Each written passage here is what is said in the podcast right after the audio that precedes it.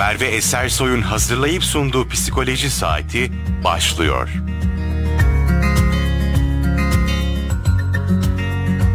Herkese 91.8 Radyo Radar'dan merhaba. Psikoloji Saati programı ile birlikteyiz. Ben program sunucunuz Merve Esersoy. Her hafta alanında uzman psikologları ağırladığımız Psikoloji Saati programının bu haftaki konuğu klinik psikolog Mustafa Eldek bizlerle birlikte. Mustafa Bey hoş geldiniz. Nasılsınız? Hoş bulduk. Çok teşekkür ederim davetiniz için. İyiyim. Sizler nasılsınız? Ben de iyiyim. Çok teşekkür ederim. Biz bugün Mustafa Bey ile depresyon ve belki de hiç susmayan o iç ses hakkında konuşacağız. E, bunların çözüm yollarından bahsedeceğiz ve neler yapabiliriz bunlardan konuşacağız konuşacağız. Sizin de bu süreçte sorularınız olursa e, Kayseri Radar Instagram hesabından, Radyo Radar 918 Instagram hesabından veya WhatsApp iletişim hattımız 0352 336 25 98'den bize sorularınızı sorabilirsiniz. Mustafa Bey şu sıralarda e, da sıklıkla duyduğumuz hı hı. E, depresyondayım, depresyonda hissediyorum gibi ifadeler oluyor. Öncelikle depresyon nedir? E, bununla başlayalım. Neden kendimizi depresyonda hissederiz? Şimdi e, ilk başta bir literatür anlamına bakmakta yarar var. Şimdi depresyonu biz ikiye ayırıyoruz. Birinci anlam normal bir duygulanım dediğimiz bir depresyon dediğimiz durum vardır. Depresyon insanın kendi içinde önem taşıyan bir şeyi yitirdiği zaman yaşadığı aslında hüzündür. İşte hayal kırıklığı diyebiliriz buna, mutsuzluk, bir hüzün durumunda hepsini depresyon olaraktan artık nitelendiriyoruz. Bir anda bakıyoruz işte istemediğimiz tablolar oluşunca minik minik ben depresyona giriyorum gibi etiket başladı. Ama psikolojideki bizim tanı kriterlerimize depresyon bu tarafta değil. Bizim e, daha çok dikkat ettiğimiz depresyon grubu bir semptom olaraktan depresyondur. Burada ne gibi? Kişinin günlük yaşamda üzgün geçtiği, hüzün, mutsuzluk, egemen olduğu ve normal dışı artık yavaş yavaş davranışlar bir isteksizlik durumu bizde minik de olsa bir depresyon sürecini gösterir. Burada şunu ayırmakta yarar var. Şimdi depresyonun en büyük belirtilerden biri karamsardır. Kişi geleceğe karamsar bakar ve çok çok çok ciddi anlamda üzgün hissedebilir. Şimdi normal karamsarlık ve üzüntüyü burada ayırmakta yararı var. İlk önce normal karamsarlık ve üzüntüdeki bakın normal dememin de sebebi yoğunluğu ve şiddeti uzun süre olması bizim için en önemli niteliklerden biridir. Ve kişi burada geleceğe dair e, umut tarafı var mı? Yoksa daha çok karamsar, hiçbir şeyin değişmeyeceğini düşünen düşünceler var mı? Hani o kalıplarımız varsa burada artık bir depresif sürecin geçtiği anlamına gelir. Ki şöyle de bir olayda nitelendirelim. Ee, belki sık sık değineceğiz buraya ilk etapta olduğu için. Şimdi bizim günlük hayatta yaşadığımız ani duygulara biz duygulanım adı veriyoruz. Duygu durumda daha uzun süreli yaşadığımız e, bir e, nasıl söyleyelim e, süreçtir. Mesela bunu biz danışanlarımıza nasıl açıklarız? Şimdi biz mesela kış aylarındayız. Kışın ne bekleriz? Kar yağmasını bekleriz, yağmur yağmasını, belki bazen güneşi bekleriz. Doğru mudur? Ama baktığımızda e, bunların hepsi bizim için bir duygulanımdır. Ama kıştaki asıl beklediğimiz şey kardır gibi gibi. Bunlar da bizim uz- uzun süreli dediklerimiz duygu durumdur. Bizim psikolojideki e, depresyonu gerçek depresyon yapan şey uzunluğudur, şiddetidir, yoğunluğudur. Bize ondan dolayı e, birçok danışanımıza testlerimizi yaparken bunun bir sürecini, başlangıcını sorarız, niteliğini sorarız aslında e, günlük hayatta yaşadığımız ani çıkışlar, inişler, mutsuzluklar, hayal kırıklıkları depresyon olaraktan nitelendirmeyiz. Ama e, günlük hayatta artık o kadar e, yaygınlaştı ki depresyona giriyorum, depresyona giriyorum lafları bizde bir müddet sonra depresyonu hepimizin kullandığı bir söz haline getirdi. Ama bizdeki daha bambaşka bir tarafta olmak zorunda diyelim. Peki bu depresyonun belirtileri nelerdir? Aha. Kişide neler görülür? Ee, burada şu tarafı değinmekte yarar var. Depresyondaki en büyük bizim e, en hani şimdi belki ileriki dakikalarda detaylara da gireriz. Depresyon çeşitleri vardır çünkü. E, bu uzun sürme durumlarına göre çeşitli isimler verilir ama bizim psikolojide en çok kaygı yani en çok gördüğümüz durum majör depresyon dediğimiz bir tanı kriterimiz vardır. Şimdi majör depresyon için ilk tanı kriterlerden biri. Ee, en az iki hafta süreyle depresyon dediğimiz süreci yaşaması lazım. Burada en az iki haftayı bir kendimize koşul edilmemiz lazımdır.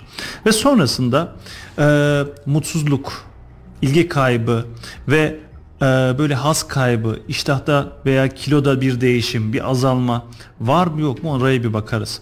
Veya burada bizim hipomani veya insomani dediğimiz e, durumlar vardır. Yani uyku durumları nasıldır? Kesik kesik uykular mı vardır? Uykuya dalamamada zorluklar mı vardır? Bizim mesela en çok dikkat ettiğimiz e, faktörlerden biri sabah yorgun bir şekilde uyanma veya uyanmama isteği varsa orada depresyon seviyesinin yukarıda olduğunu görürüz. Diğer tanı kriterlerine bakalım. Yorgunluk, enerji kaybı çok çok fazla olabilir. Kişi kendine hiçbir şey yapmasa da yorgun hissediyor olabilir ve bir müddet sonra artık yeni bir adım atma veya istek dediğimiz taraflarda da yavaş yavaş körelme bekleyebiliriz. Gene tanı kriterlerimizden biri kişi artık kendini değersiz hissetmeye başlar ve hiçbir şey yetişemediğini bir müddet sonra suçluluk taraflarını başlatır. Bir bizim burada şöyle bir tutumumuz vardır. Zaten baktığımızda hafıza kaybı, unutkanlık yavaş yavaş kendini gösterir ama bunlar daha biraz daha ileriki aşamalarda olur. Ha e, burada da tabii yine dikkat etmemiz gereken ki ilk seanslarda değiniriz. Bir intihar düşüncesi, bir ölüm kurgusu, depresyonda olabilecek tutumlardır. Yaşamdan zevk almama gibi durumlar. Tabii ki, tabii ki, tabii ki. Çünkü zevk almadıkça yeni bir şey yapmazsın, adım atmazsın. Davranışlar durdukça da düşünceler başlar ki orada da hani diğer değineceğimiz konumuz var iç ses. Çünkü beynin şöyle bir yapısı var. Ee, beyin olumlu konuşmuyor bizle. Daha çok olumsuz konuşur. Çünkü yaratılışımızda şu taraf var. Ee, olumsuzu gösterme özelliği var beynin. Boşluk varsa o tarafı olumsuz olarak doldurur. Mesela yarın yapılacak bir iş var diyelim belirsiz bir tutum var durumda. Beyin otomatikman der ki ya böyle olursa ya şöyle olursa git bu ihtimalle bir düşün. Ya işte burada sıkıntı çıkarsa. Beynin özelliğinin hani bu şekilde olmasının en büyük sebebi yaratılışında aslında beyin kendini koruma, vücudu koruma görevi var. Dışarıdan bir tehdit alırsa bunun hemen çözümü olsun diye boşluk anında olumsuzu düşün ve hemen bir çözüm bul. Ha bunu ekstra ekstra da yapmak kişide kaygı bozukluğu veya buraya ayrıyeten hani zaman ayıramamak artık hiçbir şekilde yetişemeyeceğini düşünmeme durumunda depresyon dediğimiz tanıma girebiliyor diyelim. Peki depresyonu tetikleyen şeyler nelerdir? Ne yaşarsak depresyonunu daha ağırlaştırmış oluruz? Burada e, şu taraflara değinmekte yarar var. Depresyon tetikleyen durumlarda e, biz burayı üç başlığa ayırırız. Bir, yaşanan olaylardır. Kişi erken yaşam dediğimiz çocukluk zamanları ki özellikle 0 ila 10 yaş bizim için çok çok kıymetlidir. 0 ila 10 yaş arasında bizde düşünceler oluşmaz, duygular oluşur. Bu dönemde en çok yaşadığımız mesela değersizlik. Bizim bazı şemalarımız vardır çocukluktan getirdiğimiz aslında. Değersizlik, yetersizlik, kusurluluk, e, başarısızlık gibi gibi gibi gibi diyelim. Eğer bir çocuğa biz bu e, eleştiri diliyle yaklaşırsak bir müddet sonra içerideki iç ses de aslında anne babanın dili gibi oluyor. Mesela bir konuyu başarıp başaramayacağına dair anne baba işte sen bunu yapamazsın, sen iyi değilsin, sen şöylesin böylesin dedikçe o çocukta farkında olmadan artık bir yetersizlik şemasının gelişmesini bekleriz. Bir müddet sonra kişi onları kapatmaya çalışır, oraya yetişmeye çalışır ve e, bunun sonucunda da bazen mükemmelliyetçilik dediğimiz kalıp çıkar. İşte en iyi şekilde yapmalıyım yoksa insanlar beni sevmez. Bu bir ara inançtır bizim için. Ve bir müddet sonra artık yetişmeye çalışır, bağdaştırmaya çalışır ki bizim için mesela burada gene o depresyon mu ya da işte o kısa süreli bir ruh halim diye değindiğimiz kısım e, baktığımızda artık kişi eskiden mutlu olduğu şeyleri yapsa dahi zevk almaz. Niye? Beyindeki artık hem hormon grupları hem de ki o iç sesle de dediğimiz hani e, nasıl söyleyeyim işte dışarıya gezmek eskiden onun için anlamlıyken artık dışarıya çıksam da bir şey değişmeyecek. Çünkü kişi belki yapması gerekenlerde tam o yeterlilik hissiyatını tadamadığı için bir müddet sonra geride kalıyor. Ve o dediğimiz o zevk alamama ki biz mesela şu tarafta da gidebiliriz birçok ev hanımı danışanlarımız da oluyor. Hocam diyor artık diyor çamaşırlardır, bulaşıklardır hiçbir şey yapmak istemiyorum diyor. Hayatı durdurmak istiyorum diyor. Çünkü niye? Belki asıl yapması gerekenler veya içinde bitiremedikleri bir müddet sonra kişi de kendi kendini kapatabiliyor mekanizmayı. E burada işte daha dediğimiz durumlar vardı ya işte hani e, nelerdir e, belirtiler gibi pişmanlık yaşayabilir. Buna bağlı dediğimiz gibi suçluluk duygusu, kendi güvende bir azalma, artık bir herkesin bir haksızlık yaptığına dair bir inanç geliştirebilir. Bunlar da yine belirti gruplarımızdandır. Ama dediğim gibi bunların yaşayıp günlük hayata yansıması bizim için çok çok önemli. Ee, şimdi gene değinelim. Depresyondaki o tetikleme durumları bir geçmiş yaşantı bizim için önemli diyebiliriz. Günlük hayattaki yaşanan olaylar. Mesela geçen seneler ki hani tam da bu sıralara denk geliyor. Dep- deprem gibi bir felaket yaşadık. Şimdi depremden sonrasında biz hepimizde bir depresif ruh hali gelişti. Ya hiçbir şey değişmezse ya şöyle olursa evet kendi evimize güven güvenemez olduk. Ne yaptık? Bize minik de olsa artık bir depresif bir mizaç başladı. Ee, burada yaşanan olaylar bizi etkileyebilir. Diğer bir durum e, kişide eğer alkol, çeşitli ilaçlar gibi gibi varsa tetikleme yapabilir depresif tarafa. Çünkü bu tarz e, uyarıcılar sabah o uyanmayı çok ciddi şekilde etkiler. O günün devam etmesini de e, dengeyi de bozabilir. Bir yaşam olayları diyelim o zaman büyük başlığa. İkincisi kişilik yapısı çok çok önemlidir. Kişilik yapısındaki değinme, değineceğimiz noktada bizim belki ileriki dakikalarda değineceğimiz düşünce özelliklerimiz vardır. Bizim e, şöyle hatta sizlere bir soru sorayım. Bir insan size bir güne kaç tane düşünce geliştirebilir? Milyonlarca bence. E, yapılan çalışmalar 40 bin ila 80 bin tane. 16 saat ayakta duran bir kişide. Peki 40 bin ila 80 bin düşünceyi bizim yönetme becerimiz çok çok zayıf. Burada yaratılışımızda içeriye bir mekanizma konuluyor aslında. İçerideki mekanizmada şu taraf var. Otomatik düşünce dediğimiz bazı kalıplarımız var. Çocukluğumuzdan getirdiğimiz şemalara biz ara inançlar ekleriz. Ara inançlarda bizim bir müddet sonra otomatik düşüncemiz olur. Ne gibi değinelim? Bir kişide mesela değersizlik hissiyatı varsa diyelim. Bakın şeması. Anneden babadan değer göremeyen, kendisini gösteremeyen bir çocukta değersizlik şemasının gelişmesini bekleyebiliriz. Bunlar sadece örnekler. Ee, bir müddet sonra ara inançlar geliştirebilir. Mesela ne gibi? Ee, ben başarılı olursam anneden babadan değer alabilirim. Sevilmeyi alabilirim. Veya işte annem babam istediği gibi çocuk olursam değerli çocuk olurum gibi gibi. Şimdi bunlar ara inançlar olur ki ara inançlar kişinin kendi kendine koyduğu kurallardır. Bir müddet sonra bunu çocuk yapmaya başlar, çalışır, mücadele eder ve artık yavaş yavaş her şeyi buraya dair kurgular. Okuldaki hayatını, öğretmenlerdekini, sınavdaki başarılarını bir müddet sonra da bunlar otomatik düşünce haline gelir. Ne gibi? Farkında olmaz artık. Bir anda yapar. Çünkü sistem bu şekilde başladı bu şekilde devam etti. Ben Aslında bunu başkasının istediği gibi yaşıyor burada. E, işte ama. çocuk hani yani yetiştirme dediğimiz döngü çok çok önemli. Yani e, orada kullandığımız bir söz, cümle acaba onun nazarına nasıl etki ediyor? Hani e, ya evet büyür, şöyle olur, böyle olur diyorum ama nasıl büyüdüğü çok çok önemli. Çünkü e, bir söz onun için belki sizler için değerli olmayabilir ama onun için muhteşem. Yani burada da hani ödipal kompleks dönemlerimiz vardı işte hani çeşitli psikolojik gelişim basamakları vardı işte 2-6 yaş arası 6-7 yaş aralarında gibi gibi anneden babadan beklediğimiz taraflar var. Ee, onların sağlıklı bir şekilde gelişmesini bekleriz ki bu da, da dediğimiz o depresyonu tetikleyen basamaklarda kişilik yapısının gelişmesi için çok çok önemli ki onu da belki ileriki dakika o düşünce özellikler listesine değinelim. Üçüncü bir basamak depresyonu tetikleyen durumlarda genetik. Hocam bizim için genetik önemli. Annede babada bir depresyon geçmişi var mı diye ilk seanslarımıza bir sorarız. Veya psikolojik bir sorun yaşamış mı? Ee, birinci aile grupları anne babası olabilir. Belki daha da böyle bir çevreye baktığımızda var mı? Çünkü genetik yatkınlık da ister istemez var. Ha ben burada birçok danışanıma şunu da söylerim. Bu daha dediğimiz hani çocukluktaki getirdiğimiz şemalarımız var ya. Bazı erken yaşanan olayları kişiyi depresyona yatkın hale getirebilir. Ama belli bir geçmişi yaşamak o kişinin mutlaka depresyona gireceği anlamına da gelmez. Peki bu genetik dedik tamam Hı-hı. genlerden geliyor Hı-hı. olabilir ama Hı-hı. anne ve babaya da e, sürekli depresyonda e, çocuk bununla büyüyor aslında. Kesinlikle. Onlara bakarak da olabilir mi? Kesin. Ya burada şu taraf var. Anne baba da mesela ciddi şekilde ki ya e, illa hani anne baba da değil. Bir ebeveyn de gözüksün diyelim.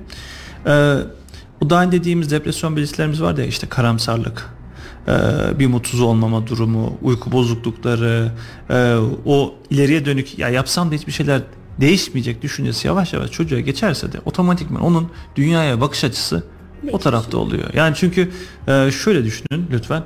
Hepimiz aslında anne babamızın gözüyle dünyaya bakıyoruz. İlk etapta. Sonrasında doğruyu yanlış ayırt edip e, ki biz buna terapi sürecinde farkındalık diyoruz. Biz bir düşüncenin doğru ya da yanlış olduğunu e, üzerine konuşmadan çok bulamayız. Ama terapide değiniriz, konuşuruz. Ha, evet bir farkındalığımız oluştuktan sonra hadi bunu değiştirelim. Peki nasıl değiştirelim deriz. Bir iki deney yaparız. Çünkü psikoloji bir e, bilimdir ve insan bilimidir. Tabiri caizse biz bazen diyoruz ki ya adım atalım. Hadi bir piramit çizelim. Hadi üstüne nasıl koyarız, ne yaparız? Ee, bunlar bizi ne kadar kaygılandırıyor. Mesela işte daha önce dedim mi örnek ver, vermekten oradan devam edelim. Ee, ev hanımı olan bir danışanımız. Ee, hocam ben çamaşırlar onu bunu yapamıyorum diyorsa biz bir anda danışana şunu söylemeyiz. Hadi git bütün evi yarın gel topla diyemeyiz. Çünkü yapabilse bize bizim yanımıza gelmez. Ama onun yerine deriz ki nelerden yapabiliriz? Nereden başlayabiliriz? İlk önce hadi bir odayı toplayabilir miyiz acaba? Ya da odanın yarısı. Çünkü o kişiye bizim bir başarı hissiyatını belki yavaş yavaş tattırmamız lazım ki bir hormon gruplarında bir değişiklik olsun. Ama diyorum ya bunu e, danışanla beraber keşfetmek ki bu bir süreçtir ister istemez. E, oraları farkında etmek veya dedik ya daha hani ki erken yaşantı dediklerimiz oraları da gösterebilmek bizim için olmazsa olmaz kıymetli noktalar diyelim. Bir de beyin hep bo- boşlukları olumsuzlukla doldurur demiştiniz ya. Neden Evet. olumsuzlukla dolduruyoruz? Ee, beynin Bunları nasıl olumluya çevirebiliriz? Ee, burada işte daha dediğimiz terapi süreci devreye gidiyor ister istemez. Niye? Ee, beyindeki boşluk mekanizmasında hocam şöyle düşün. İlk insanları düşün. İşte avlayıcı, toplayıcı insanları düşün. Ee, acaba bir hayvan bana saldırır mı saldırmaz mı? Şimdi bu bizde nasıl ki babadan anneden miras kalıyorsa mal mülk diyelim örnek veriyorum. Hocam kültürel bir miras da ge- geliyor bize. Şimdi ne oldu? O dönemde işte avlayıcılık, toplayıcılık gibi dönemlerde dikkat ediliyordu. Acaba işte yaşar mıyım, şöyle olur mu, böyle olur mu? Bu da bir kolektif kültürün getirdiği bir mesaj oluyor. Şimdi orada nasıl dikkat ederekten ayakta kaldıysa biz de şu an diyoruz ki ya şöyle şöyle yaparsak belki maddiyatım daha iyi olur. Ya da şu şekilde yaparsam daha iyi ders çalışırsam şöyle şöyle bir başarıya giderim. Ya da annemin istediği çocuk şöyle şöyle olur gibi gibi. Beyindeki o hani dedik ya e, olumsuz düşünme özelliği bizi ayakta tutuyor aslında. Mesela deprem döneminden örnek verelim. E, bu biraz da kaygıya giriyor ama hiç kimse kolay kolay evine girmedi. Çünkü beyinde arka plandaki o iç ses diyor ki e, ya bir şey olursa. Peki ya bir şey olursa ihtimalini düşündükçe kişi e, çözüm bulamıyor ve en iyisi diyor ki ben köyüme mi gideyim, camide mi kalayım, dışarıya mı çıkayım, işte e, müstakil bir eve mi baksam, bir korumaya al. Kesinlikle. Çünkü niye? Beyin onu e, soruyor. Kişi eğer sağlıklı çözüm bulamazsa beyin orada kalıyor aslında. Ki biz buna da e, psikoloji adı, psikolojideki adı ruminasyondur. Beyni kendi kendine geviş getirme özelliğidir. Beyin sürekli onu bir dolandırır, dolandırır, dolandırır, durur. Bir müddet sonra sen cevap bulabiliyorsan tamam. Bulamıyorsan burada sürekli orduna uğraştırır. Peki burası nasıl değişir? Bunun hani bu kaygı mekanizma ki ve hani kaygıya da en çok eşlik eden şey aslında rahatsızlık depresyondur. Bir müddet sonra kişi kaygılanır, kaygılanır, kaygılanır. Çözüm bulamazsa sistemi kapatmaya başlarız. Çünkü çözüm bulamadım. En iyisi o zaman şöyle şöyle yapayım derim. Yavaş yavaş sorumluluklarımdan çekilirim. Bizi mutlu edecek durumlardan çekiliriz. Ee, buradaki kriter şu. Ee, üretken bir kaygı mıydı? Üretken olmayan bir kaygı mıydı? Mesela üretken kaygı şudur. Yarın sınavım vardır. Oturup sınava çalışırım. Ama mesela yarın sınavım var. Ben çalışmıyorum onun yerine oyun oynuyorum diyeyim. Basit bir örnekten. E ne yaparım? Ben içerideki kaygıyı bastırırım. Evet belki bir saat yok ettim ama arka planda çalışır. E bir müddet sonra çalışmadım. Yetişmeyecek. Derim ki artık burada da bak düşünce özellik giriyor. Şu an çalışsam da yapamam. Ne yaptı? Böylece Artık bir evet ve olumsuzluğa döndü, döndü. Dedi ki artık bu vakitten sonra işte acaba anneme ne derim mi düşüneyim der. Fa- Farkında olmadan başarısızlığı kabullendik gibi oldu. Ve e, onun da bir sonucuyla depresif mizaç yavaş yavaş artık gelişmeye başlar. Sorumluluklardan çekilmeye başlarız. Ee, peki depresyonun görülme sıklığı nasıl? Burada şu şekilde bizim için en yaygın görülen dediğimiz hani klinik anlamda e, majör depresyondur. Majör depresyonun e, kadınlarda görülme sıklığı %10 ila %25 arasındadır. Erkeklerde gözü, görülme sıklığı da %5 ila %12 arasındadır. Yani şu an her 100 kişiden 5'inde erkeklerde veya kadınlarda da onun da görülme olasılığı vardır. Yaygınlaştı ama bu bakın burada dikkatinizi çekeyim. Majör depresyon diyorum. Majör depresyon 2 haftalık bir süreçtir. Ve e, terapiye direkt yanıt verebilecek bir e, hasta yani danışan grubudur aslında. bir şey evet, evet, evet. Ama mesela distemi dediğimiz durum. Distemi 2 senelik bir depresyon grubudur. Yani burada ki ileriki etapta değiniriz belki bir iki soru sonra. E, distemi de en az 2 yıl geçmiş olması lazım. Ve kişi de artık ya ben hiçbir çıkar yol bulamıyorum dediği durumdur. Burada mesela her 100 kişiden 6'sına görürüz. Bakın oran düşüyor farkındaysanız. Veya diğer bir durum bipolar dediğimiz bir e, bipolar bozukluk dediğimiz bir e, tanı kriterler yani e, bir hastalık grubumuz vardır. Burada oran daha da düşüyor. %0,4 ile 1,6'larda depresyondaki görülme sıklığımız. Türkiye'de yapılmış çalışmalara baktığımızda son bir yıldaki depresyon görülme olasılığı %4.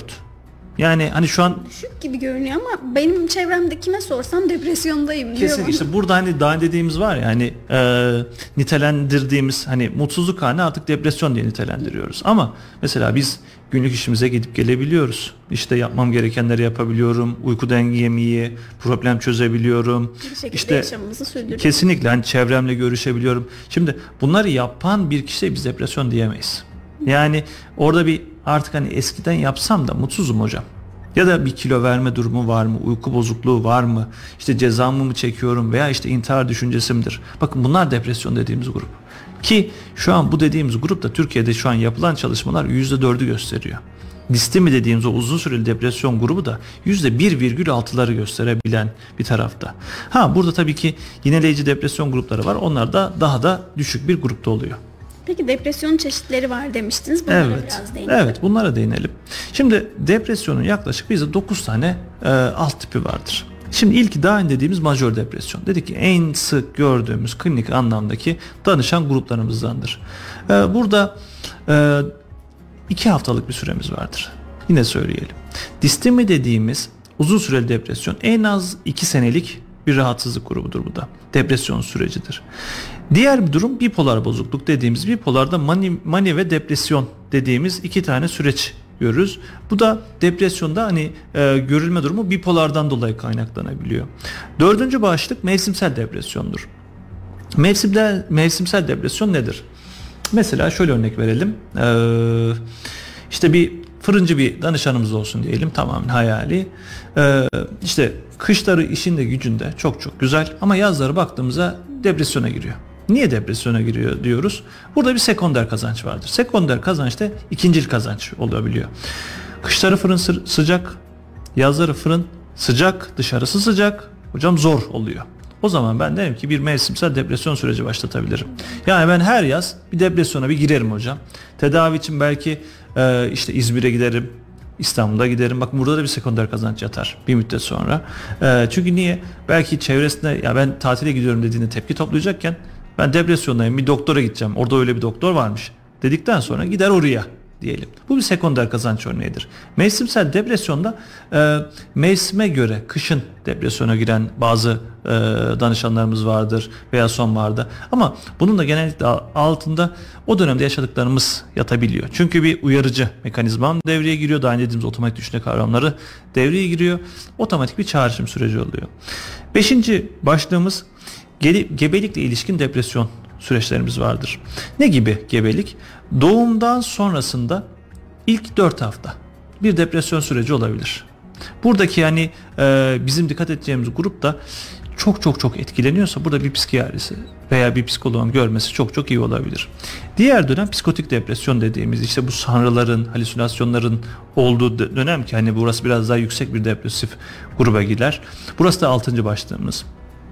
Diğer 7. başlık e, premenstrüel dediğimiz e, bir adet dönemi e, de bir depresyon süreci vardır. Buradaki e, süreçte ya adet dönemi ya da adetten sonraki ilk bir haftada bir depresif mizaç gelişmesini bekleyebiliriz. Diğer bir durum atipik depresyon dediğimiz bir depresyon grubumuz vardı. Daha önce dedik ya kişi mutsuz hisseder, kişi uyuyamaz, kişi işte e, hareketsizdir. Hocam bunun da bir de atipik versiyonu var. Çok çok hareketli olan veya normalde eskiden işte e, parka çıkıp yürümek 5 mutluluk verirken bu sefer 10 mutluluk veriyor. Ve daha çok orayı yapmak istiyor. Ve günlük hayatındaki belki sorumluluklarına daha böyle sımsıkı sarılabiliyor. Bunlar biraz da atipik depresyona giriyor Böyle ki. birini görsek de depresyonda demeyiz. e, yani. burada işte e, seviyor. Evet. eğlenceli falan Buradaki işte hani temeldeki kritik nokta şu. Atipik depresyondan maskeli depresyona geçelim. Ba- bağlantılıdır. Şimdi atipik depresyonda dışarıda çok güzel olabilir. Muhteşem enerjik olabilir ama e, eve geçtiğimiz zaman maskeli depresif bir ruh haline geçebilir. Maskeli depresyonu da biraz açıklayalım. Bu DSM-4'te aslında e, tanısı vardı. DSM-5'te kaldırıldı maskeli depresyon. Maskeli depresyonda kişi dışarıdan çok güzel görülebilir. Sosyalliği muhteşemdir. İletişim muhteşemdir. E, keyif alıyordur. Ama e, eve geldiğinde, kişi yalnızlaştığında orada bir depresif süreç başlar. Hiçbir şey değişmiyor, hiçbir şey olmuyor dediğimiz yavaş yavaş o depresif süreci yaşar. Ama dışarıya çıktığında her zaman o maskeyi takar.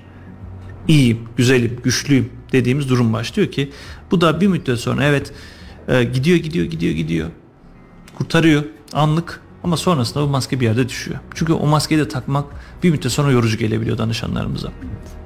Yani, Ee, evet biraz kritik noktalar oluyor ki bazen o melankolik dediğim süreçler de çıkabiliyor. Ama hani depresyon çeşitli başlıkları var ama dediğim gibi hani bizim için en kıymetli ve en e, sonuç alabildiğimiz veya şu an dediğimiz o hani kadınlarda ve erkeklerde görülme sıklığı en yüksek olan grup majör depresyondur. Bizim için hani diyorum ya, hani orası en dikkatli olacağımız grup. evet umarım buradan dinleyenler, izleyenler de çevrelerinde böyle şeyler varsa Umarım yardımcı olabiliyorsak ne mutlu. evet, her zaman bir uzman desteği önemli. Peki bu depresyonun tedavisi nasıldır? Şimdi tedavi basamaklarında bedensel tedaviler vardır. Bedensel tedavideki kastım aslında fiziksel yöntemlerle. Mesela antidepresan grupları, bir ilaçlı e, grup. Biz burada ne yaparız? İlk seanslarımızda kişiye tabii ki klinik gözlemimizle beraber e, bir depresyon, bek depresyon ölçeğini ben daha çok bek depresyon ölçeği yaparım. E, bek depresyon ölçeğindeki bir puanı almak isterim. Hangi grupta? Orta düzey bir depresyonda mı? Yoksa ağır depresif grupta mı? Oradaki durum, oradaki skala bana bir fikir verir. Daha nasıl ki burada tanı kriterlerini saydıysak seans içerisinde de bunu danışanımıza farkında olmadan aslında yansıtaraktan soruyoruz. Hani günlük işlevi nasıl, uyku dengesi nasıl, kilo verip vermemesi nasıl, hareketliliği nasıl, gelecek hakkında ne düşünüyor, bir hedefi, bir amacı var mı? Bunlar da aslında minik minik sorularımızı alınca klinik gözlemimize birleşince hani ne ölçüde olduğuna karar veriyoruz. Baktık yüksek grupta o zaman bir antidepresan yani gruplarına bir ilaçlarına ihtiyaç duyabiliriz. Diğer bir durum TMS dediğimiz cihazlı tedavi ki ben şu an TMS klinikte görev yapmaktayım. TMS'de ilaç e, cihazlı tedavi yöntemlerine girer. Cihazlı yöntem e, kişiye transcranial magnetic stimulation dediğimiz bir e, nasıl söyleyelim manyetik uyarımla e, beyindeki o bölgeleri hormon gruplarına uyararaktan bir iyileşim sürecini gösteriyor. Kesin çözüm sunuyor mu peki? Ee, şimdi şöyle ki Amerika'da yapılan çalışmalar aslında bizim tamamen yani bilimsel gitmek en güzelidir. Ee, Amerika'da yapılan çalışmalarda TMS cihazıyla depresyonun geçiş aşaması %85, %80, %85 oranında ciddi başarıları var. 2009 yılından beri baktığımızda Amerika'da uygulanan bir cihaz yöntemli tedavi. Şu anda da ülkemizde işte Hacettepe Üniversitesi olabilir, İstanbul'daki böyle özel klinikler veya özel hastaneler birçoğunda aslında TMS yöntemi artık gelişmeye başladı. Çünkü e, güzel sonuçlar alınabiliyor. Ve hani e, birçok danışanımız hocam ilaçsız tedavi yöntemi var mı dediğinde bakın bu taraf var diyoruz. Kişiye buraya gösteriyoruz. Ha buranın da önemli kritik noktaları şu. Makineye bir kere gireceğim iyi olacağım, şöyle olacağım değil. Biz burada ne yaparız? Yani klinikte de çalıştığımızda burayı daha da değerli toplu hale getirelim. Ee, kişi hem cihazlı yöntemlerle hem de tera- tedaviyi desteklemek için terapi anlamda da bir güçlendirme tarafını da sunarız. Ha, ne yaparız? Hem cihazlı hem de psikoterapi hem de bakış açısını değiştireceğimiz bir seans planlaması geliştirdikten sonra kişide iki taraflı bir iyileşim süreci başlıyor. Ve bu hem kişi için hem de bizler için psikologlar, psikiyatristler için TMS gibi yöntem e, bizim tabiri caizse hani hızlı ilerlememizi de sağlayan ciddi bir faktör oluyor. Peki geldik psikolojik tedavi kısımlarına. Burada BDT dediğimiz bir bilişsel davranışçı terapi dediğimiz bir terapi ekolü vardır. BDT'yi biraz naçizane paylaşayım. İlk önce danışanla bilişsel süreçlere değiniriz. Daha önce dediğimiz hani şemalarımız vardı ya çocukluktan getirdiğimiz. Şema gruplarına bir bakarız. Nasıl yetiştirilmiş? Anne baba ilişkisine, çocuklukta yaşadığı bir herhangi bir travmatik veya herhangi bir anlam atfettiği bir olay var mı yok mu oralara bir değiniriz. Bir bakarız. Sonrasında davranışsal boyutlarına bakarız. Neler yapıyordu? neler yapmama boyutunda veya şu anki aktiflik boyutuna bakaraktan bir plan oluştururuz. Ve bu planda da ilk önce o bilişsel süreçlere değindikten sonra bir farkındalık ediniriz. Çünkü şöyle bir şey var Merve Hanım, hani ben de buna meslek hayatımda inanıyorum. Farkında olmadığımız hiçbir şey değiştiremeyiz. Yani e, bir şeyin yanlış veya doğru olduğunu belki artık yapa yapa yapa yapa hani uygulaya uygulaya e, doğru olarak kabul ederiz. Ama dışarıdan biri farklı bir taraftan farklı bir bakış açısıyla bakıldığı zaman orada yanlış mı doğru mu beraber seans karar veririz. Bak burada şunu dikkat ediyorum ben. Psikolog doğruyu verir demiyorum. Ama ihtimalleri konuşuruz, bir hipotez üretiriz, değerlendiririz. Sonraki etapta acaba bunlar nasıl olabilir deriz. Bir deney mi yapsak deriz. Yavaş yavaş oraları geliştiririz. Bu da BDT'nin özündeki e, otomatik düşüncelere değineceğiz zaten az sonra. İşte kişiler arası tedavi veya depresyona yönelik psikodinamik terapi yöntemleri vardır veya sorun çözümü terapisi dediğimiz yöntemler vardır. Ama burada yine bilimsel yerden gidelim hocam. Çünkü ben e, bir bilim tarafı olduğu için psikolojinin yapılan çalışmaları çok çok önemsiyorum. BDT'de çok çok çok yüksek oranda majör depresyonu e, terapi anlamında halledilmesini sağlayan bir terapi ekolüdür. Bizim için ondan dolayı hani buradan birçok danış şey e, izleyenlere söyleyeyim böyle bir depresif taraf varsa e, BDT ekolüyle yani bilişsel davranışçı terapi dediğimiz ekolle çalışan psikologlar biraz daha öncelikli olabilir. Ha burada altta yatan bir travmatik durum olabilir, farklı bir süreçler olabilir. Tabii ki orada EMDR veya kısa süre çözüm odaklı gibi terapi yöntemleri olabilir. Ama depresyonda en etkili çözümü BDT ekolü bize sağlıyor. Peki düşünce özellikleri nelerdir depresyondaki? Hı Şimdi düşünce özellikleri şu şekilde yapalım. Daha yeni şemalar dedik. Sonrasında ara inançlar dedik. Şimdi otomatik düşünceler dedik. Düşünce özelliklerden kastımız aslında otomatik düşüncelerimiz oluyor. Şimdi insanlar daha önce dedik ya 40 bin ila 80 bin tane düşünce geliştiriyoruz. Peki günlük hayatımızda biz bunun kaçta kaçını yönetiyoruz diye baktığımızda hocam aslında gerçekten yönetebildiğimiz sadece dörtte birlik kısım var. O da plan yaparız. Mesela işte dedim ki hani arabayı nereye park edeyim, işte şunu saat kaçta gideyim, geleyim gibi gibi gibi. Bunlar sadece plan yapabildiğimiz kısım. Ama beynimizin o arka tarafta iç sesle oluşan bazı kalıpları var. Bunlar çocuklukta yetiştirilme şartlarımızdan geliştirdiğimiz, ilkokulda üzerine koyduğumuz ve yavaş yavaş ortak ortaokulla beraber tamamladığımız düşünce kalıpları oluyor. Mesela örnek verelim. Şimdi insanlarda tespit edilmiş 12 tane kalıp. Bir zihin okuma. Mesela nasıl bir örnek verelim? Diğer kişinin düşüncesini okuruz. Ne gibi? Ee, gelmediğine göre beni sevmiyordur. Veya diyorum ki Merve Hanım şu an işte kağıda okuyor. Benim sohbetim demek ki sevmedi. Verimli bulmadı. Bak arka plandan geçebilir bu iç ses. Tamamen kendi kendine oluşabilir. Veya işte derim ki e, benle işte kimse işte bir sunum yaparsınız. Herkes şöyle bir bakarsınız. Herkes dinliyor dersin. Ama birkaç kişi dinlemediğini görürsün. Aa başarısız bir sunum yapıyorum dersin. Ne yapar? Arka planda beyin daha önce dedi ki olumsuz düşünme eğilimi vardır. Bunlar da işte e, otomatik düşünce kavramlarıyla beraber biz de yavaş yavaş zihin okumaya başlarım. İşte birçok danışanımız şunu söylüyor. Hocam diyor ben diyor herkesin yüzünden anlarım diyor. Yani bu açık bir şekilde aslında zihin okuma yaptığını gösteriyor. Belki o an daha önceki dediğimiz sunum yapma örneğinden devam edelim. Ee, işte o anda belki birinin telefon çaldı, seni dinlemedi, telefona baktı. Belki acil bir mesaj geldi. Ama beyin onu o şekilde yorumlamıyor. Onun yerine diyor ki ben kötü bir sunum yapıyorum. Muhtemelen herkes sıktım. Başarısız. Yine bu olumsuzla doldurma olayı. Kesinlikle hocam. Veya diğer durum felaketleştirme dediğimiz bir tutumumuz vardır gene. Felaketleştirme ne gibi olabilir? Mesela matematikten başarısı olan bir çocuk asla matematikte başarılı olamayacağım. Ne yapsam olmuyor. Şimdi artık bir müddet sonra matematiğe bir ket vururuz. Veya e, sevgilisinden ayrılmış bir kişi diyelim örnek verelim. Asla iyi bir ilişkim olmayacak. Asla bana değer veren işte bir kız arkadaşım, erkek arkadaşım olmayacak deyip farkında olmadan geleceğe bir okuma. Buna da aslında kehanetçilik de diyoruz hani literatür çalışmalarında. Bir kehanetçilik yapıyorum. Ve e, depresyonla mesela gelişmesini sağlayan çok büyük kalıplardan biridir bu. İşte asla sevgilim olmayacak, hiç iyileşmeyeceğim, başarılı olmayacağım, değer verilmeyeceğim, işte istediğim yere gelmeyeceğim. Baktığımızda hani e, hiçbir somut kanıt yoktur ama ben böyle hissediyorum derim. Ve hissettikçe de derim ki hiçbir şey değişmeyecek. Gene bir kalıba gidelim. Ya hep ya hiç dediğimiz bir düşünce vardır. Ya hep ya hiç nedir? Mesela eğer e, mükemmel değilsen başarısızım. Ne yapar? Kişi kendini koşullar. Burada bir koşullama vardır. Veya e, beni eleştiriyorsa sevmiyordur. Veya işte telefonumu açmıyorsa demek ki bana önem vermiyordur. Şimdi ne yapıyor? O kişinin her şeyi ona dair yapmasını istiyor gibi gibi olabiliyor. Bir müddet sonra bu kalıplarla beraber bizim ilerlememiz durabiliyor. Gene bir dördüncü başlık e, duygusal çıkarım dediğimiz olaylarımız vardır. Yaptığım şeyler var, yaptığım başarılar var ama ben öyle hissediyorum ki başarısız. Mesela bir sınavdan düşük alır. Der ki hocam ben yapamıyorum ama öbür sınavdan başarılı oldum. Orayı kişi görmüyor. Çünkü niye? Daha çok başarılı olduğu yere odaklanabiliyor gibi olabiliyor. Peki etiketleme dediğimiz tarafa gelelim. Beşinci başlık. Ee, sınavdan düşük alan bir öğrenci şunu söyleyebilir artık kendine. Ben başarısızım. Hiçbir şey değişmiyor. Hiçbir şey olmayacak. Veya gene e, hata yapan birini düşün. Hocam ben benden olmuyor. Ben yapamıyorum. Bak artık kendini bu etikette yaptıktan sonra etiketledikten sonra yeni bir şey yapmaya da umudumuz halimiz veya isteğimiz adımımız kalmıyor gibi. Gene devam edelim. Zihinsel filtreleme dediğimiz bir tarafımız vardır. Mesela bunda ne gibi? Gene bir otomatik düşünce kavramıdır. Çok çok güzel bir ev aldığınızı düşünün. Her şey muhteşem. Ama kapı kolları kötü. Şimdi ben oraya. Evet şimdi ben ne yaparım oraya takılırım. Acaba ben hata mı yaptım ev almakta? Acaba ben işte iyi değil miyim?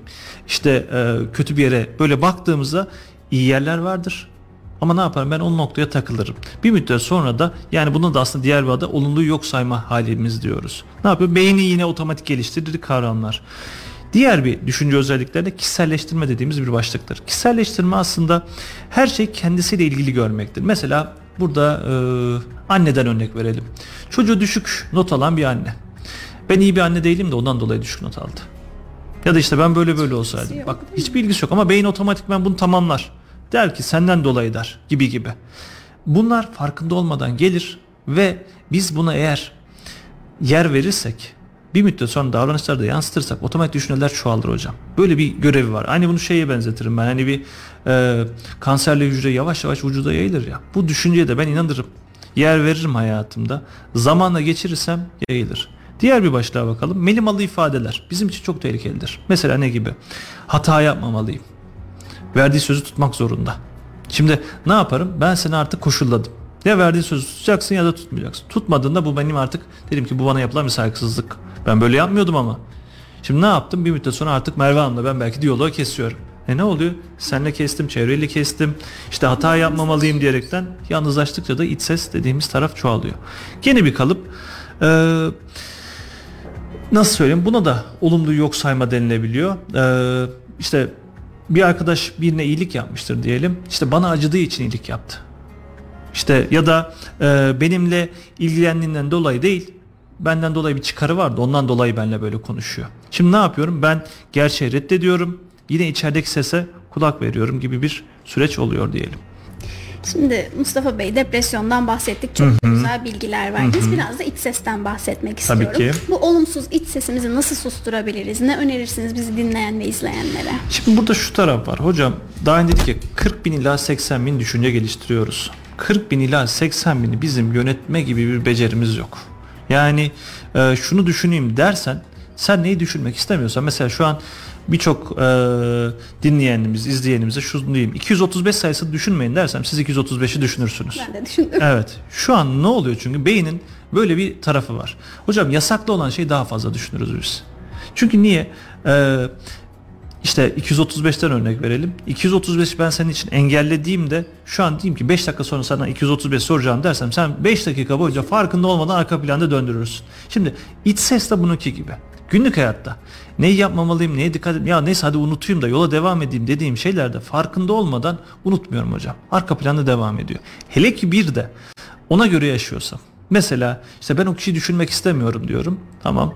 O kişiye dair neyi düşünmeyeyim işte onun evine gitmeyeyim şunu yapmayayım orayı kendime yasaklayayım bunlar derken farkında olmadan hocam e, o kişi benim artık hayatım merkezinde olur. Çünkü ben o kişiyi düşünmemek için kendimi görevlendiriyorum gibi. İşte bu sesler yetiştirme şartları kişinin kendisi konuşma biçimi çevresiyle saldığı diyaloglarla beraber gelişiyor. Ha e, burada birçok danışanı üzücü ama acı gerçek. Hocam iç ses yönetilmiyor. Yani burada ama şu var istemediğimiz iç sesleri davranışlara yansıtırsak mesela ne gibidir? Ee, yarın ders çalışmasın, yarın ders çalışmasın diyelim.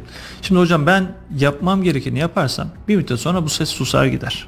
Ama bilgisayar oynadım, onu yaptım, bunu yaptım, arkadaşlarımla görüştüm. Hocam bu ses gitmez. Evet. Çünkü e, yapmam gerekeni ya belki vücut söylüyor. Belki bazen de tam tersini söyleyebilir. Yani hiç alakasız bir konuya takılabilir diyelim. Beyin orayı düşünebilir, kurcalayabilir diyelim. Bizim için de hani şey tarafı önemli. İç sesle mücadeleden ziyade kişinin ben rutinlerine bağlı olmasını çok çok dikkat ederim. Çünkü yapman gerekeni yaparsan iç sese pek de gerek kalmıyor.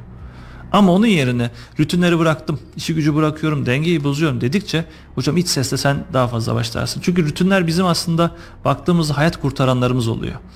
Niye?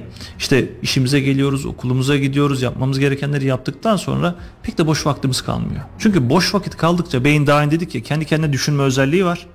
Boşta kaldığı an diyor ki Merve şunu yaptın mı? Mustafa bunu yaptın mı? Şunu yaptın mı? Bu böyle miydi? Sen hakkında acaba böyle düşünür mü? Dediğim tutum tarafı başlıyor. Mustafa Bey çok teşekkür ederim demek? beni kırmayıp geldiğiniz Estağfurullah, için. Gerçekten çok güzel estağfurullah. bilgiler verdiniz. Estağfurullah. Umarım izleyen ve dinleyenlerimize de faydalı olmuş. Umarım yararlı Son olmuşuzdur. söylemek istediğiniz bir şeyler. Ee, depresyon dediğimiz süreci hani e, lütfen ama lütfen dediğim o tanı kriterlerine dikkat ederek gitmekte yarar var. Çünkü depresyon evet anlık sanki bir iyileşme süreci gibi gözükse de %80 oranında kendini yenileme dediğimiz, yineleme dediğimiz sürece dahildir. Dikkatli olmakta yarar var. Burada bir uzman desteği, bir psikolog, bir psikiyatrist tarafından da bir gözlem altına geçmek, bu düşünce kalıplarında çalışmak çok çok verimli olabilir diyelim. Çok teşekkür ederim. Ne çok demek? sağ olun. Çok teşekkür ederim. Sevgili dinleyenler ve izleyenler bu hafta klinik psikolog Mustafa Eldek bizlerle birlikteydi. Depresyondan, hayatın genel psikolojik sorunlarından, iç sesten konuştuk. Çok değerli bilgiler edindik. Umarım sizler için de faydalı olmuştur. Haftaya başka bir konuyla başka bir konukla görüşmek üzere. 91.8'de bizi dinlemeye devam edin. Frekanslarınız mutluluk olsun. Hoşçakalın.